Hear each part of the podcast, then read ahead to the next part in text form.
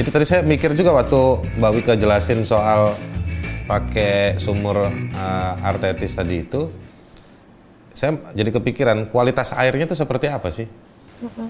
Bagi warga yang dia itu langganan di pengusaha air yang sering kena rob air laut, itu biasanya warnanya hitam.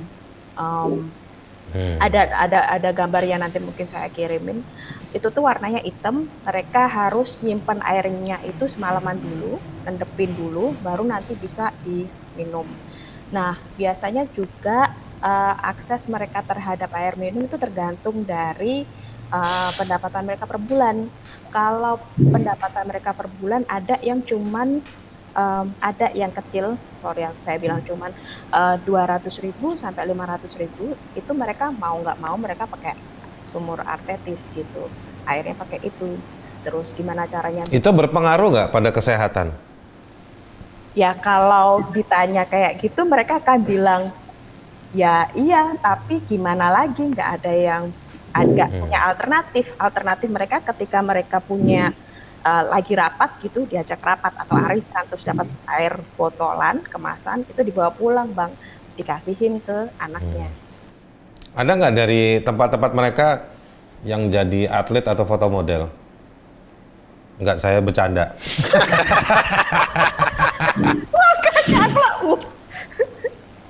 Iya kan? Uh, iya, jadi memang iya ruwet ya. Jadi kualitas airnya berpengaruh, uh, banjirnya tidak tertangani, uh, biaya mahal uh, untuk pengadaan air itu uh, dan belum ada jawaban. Nah mungkin kalau dari dari omnibus kelihatan nggak jawabannya Mbak Nila? Misalnya omnibus ini ada poin soal air.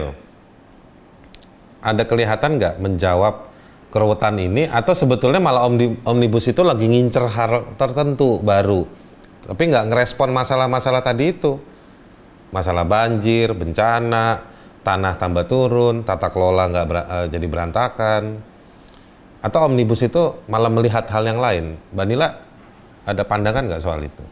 Ya kalau apa kalau omnibusnya itu ngatur air lebih ke soal izin. Uh, jadi apa namanya? Okay.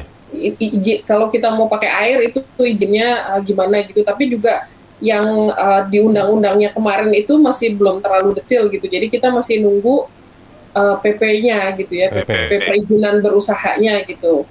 Nah terus ke, uh, apa tadi Mas Haris kalau saya boleh nambahin biar Mas Haris tambah pusing gitu ya, yang tadi soal di iya. pesisir yeah. gitu, itu uh, hasil penelitian kita ternyata justru di kawasan-kawasan pesisir ini yang sebenarnya tuh butuh banget akses air bersih yang uh, pakai pipa gitu ya justru malah eh, nggak uh, ada gitu. Nah, hmm. ada tadi yang Mbak Wika cerita gitu di di satu RW gitu ada gitu, tapi sebagian besar eh, nggak uh, ada. Nah, salah satu penyebabnya emang karena ini masyarakat pesisir biasanya kan kemampuan bayarnya kurang baik gitu ya. Jadi mereka nggak uh, apa PDAM gitu nggak terlalu inilah nggak terlalu memprioritaskan untuk layanan sana gitu. Padahal kenapa kenapa menurut kami itu penting banget layanan air yang pakai pipa itu kan karena kalau kita bikin sumur di rumah gitu ya kita pakai itu kan eh, nggak uh, ada treatment apa apa gitu langsung aja dipakai sementara kalau air yang PDAM itu dia ngambil air dulu dikasih bahan kimia dibersihin dulu hmm. difilter segala macam masuk ke saluran tertutup uh, apa pipa-pipa itu kan saluran tertutup ya mungkin ada bocornya gitu ya tapi diharapkan kan nggak uh, masuk saluran tertutup tuh sampai ke keran-kerannya di rumah-rumah pelanggan gitu. Jadi sebetulnya memang sebaiknya kalau di perkotaan pakai air uh, perpipaan dari ini apa dari PDM setempat gitu. Itu sangat mengurangi kontaminasi apalagi di perkotaan yang padat apa namanya jarak antara septic tank sama sumber air kadang-kadang kurang dari 10 meter. Nah, itu tuh uh, apa si bakteri kalau disuruh lari 10 meter udah uh, pasti mati Mas Haris. Tapi kalau 8 meter masih ngos-ngosan gitu ya. Jadi kalau apa? Kalau udah 10 meter itu ya relatif aman lah gitu nah. Tapi kan kita tahu sendiri nih sekarang kalau di kota-kota besar banyak rumah yang nggak mu nggak memungkinkan gitu jarak septic tank sama sumber airnya uh, lebih dari 10 meter gitu. Nah, kecuali nyetornya di kamar mandi tetangga baru bisa jauh. it, it, itu juga itu juga masalah lain. Kadang-kadang kita nggak koordinasi kan sama tetangga gitu kan. Septic tank. Septic tanknya tetangga aja di balik tembok doang. Iya benar benar. Iya gitu. Kadang-kadang kayak gitu masalahnya. Ketemu ya sama air ya, hai. itu dia gitu. Iya, iya. Jadi uh, apa namanya? Nah terus ada ada cerita Mas Haris ini di uh, di pesisir Semarang juga ya ada uh, ini ya ada perempuan cantik gitu teman saya dia baru baru lulus dan baru nikah gitu. Dia cerita itu perjalanan hidupnya dia dari kecil sampai ya sampai sekarang ini dia udah nikah dan bisa bisa tinggal di kawasan yang bukan di situ gitu. Tapi dia, ceritanya dia itu dari kecil uh, mereka sering gitu uh, apa tidur. Terus di di pinggir tempat tidurnya itu ya air gitu dan terus akhirnya hmm. mereka uh, itu ada ada kepiting ada udang ada ikan gitu. Yeah, yeah. itu beneran loh maksudnya. Tidur di, di tidur, tidur di kebun binatang apa gimana dia? Kolam ikan gitu jadinya. Nah, dia tuh ya akhirnya mainan sama saudara-saudaranya gitu kan ngambil apa kalau di sini ngomongnya wakul gitu ya bakul gitu untuk uh, ngambil airnya. Nanti di situ ada ada itu apa ikan-ikannya itu gitu. Terus mereka sekeluarga uh, banget gitu sholat harus di atas tempat tidur.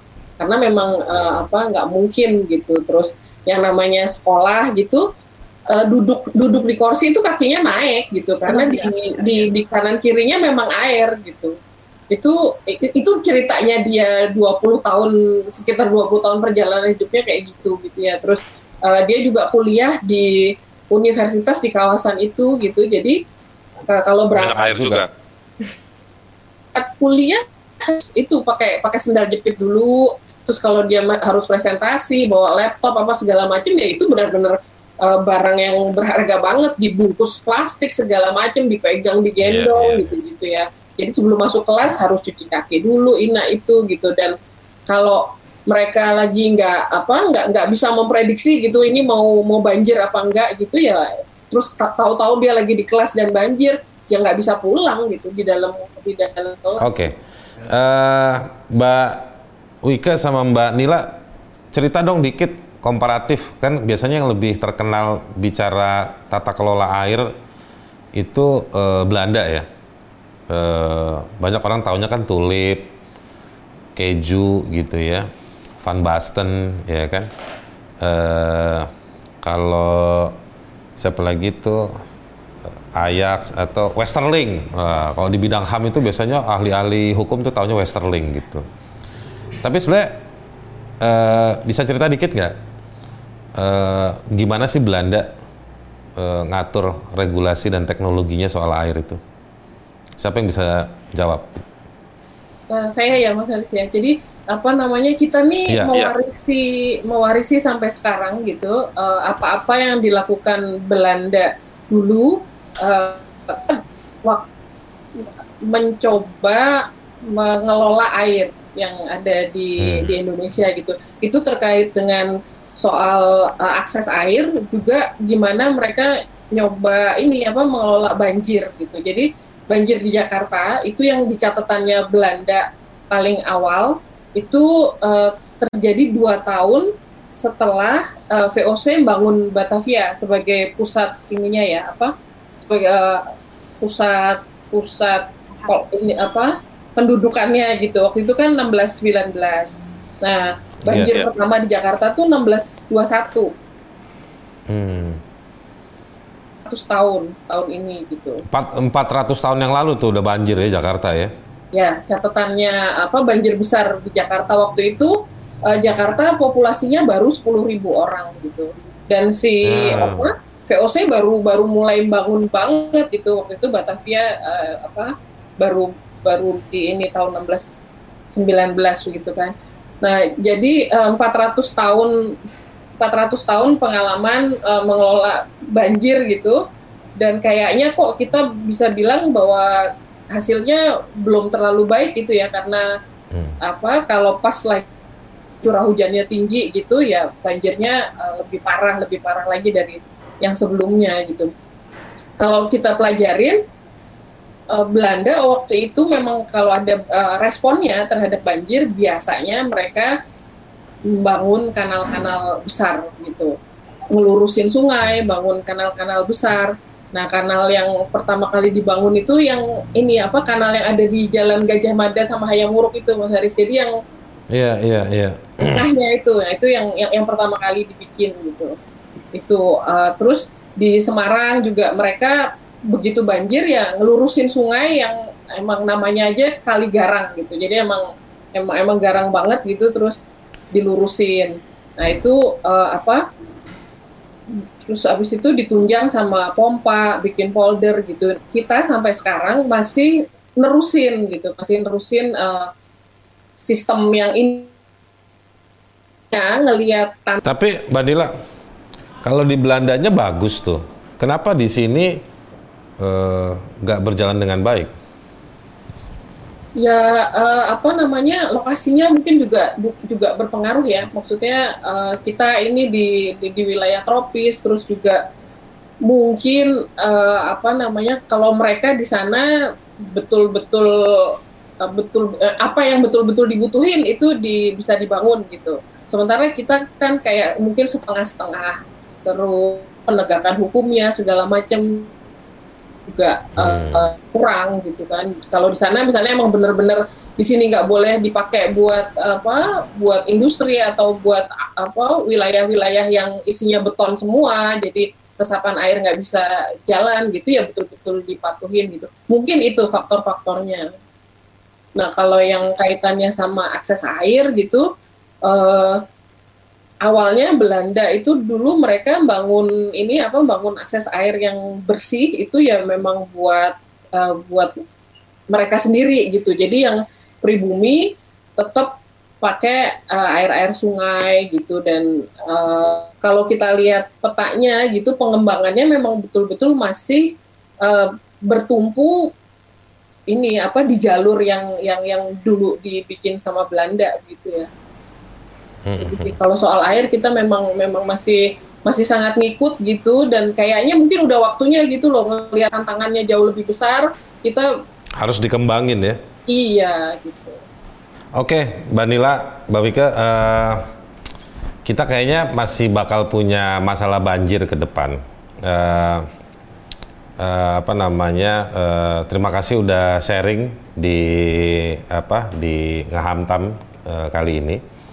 Uh, jadi eh, orang-orang sekalian, masalah banjir uh, dia bukan hanya masalah. Ini begini kalau di Jakarta itu kan ribut soal ini gubernurnya siapa, itulah yang harus disalahkan banjir. Tapi men, uh, saya makin yakin bahwa soalnya bahwa soal banjir itu itu bukan soal siapa yang jadi gubernur, jadi wali kota itu bukan. Masalah banjir itu masalah soal tata kelola ruang dan juga kultur kita uh, terhadap ruang tiga dimensi yang kita hidup. Uh, itu satu hal. Yang kedua, uh, banjir dan juga air, dia sebetulnya sesuatu yang dihindari tetapi juga dibutuhkan, terutama soal air. Banjir, kalau banjirnya banjir air, harusnya dia bisa dikelola dan itu adalah kecenderungan masyarakat modern bahwa air yang berlebih harusnya bisa dikelola uh, dan juga digunakan. Air yang dari laut harusnya bisa dihindari.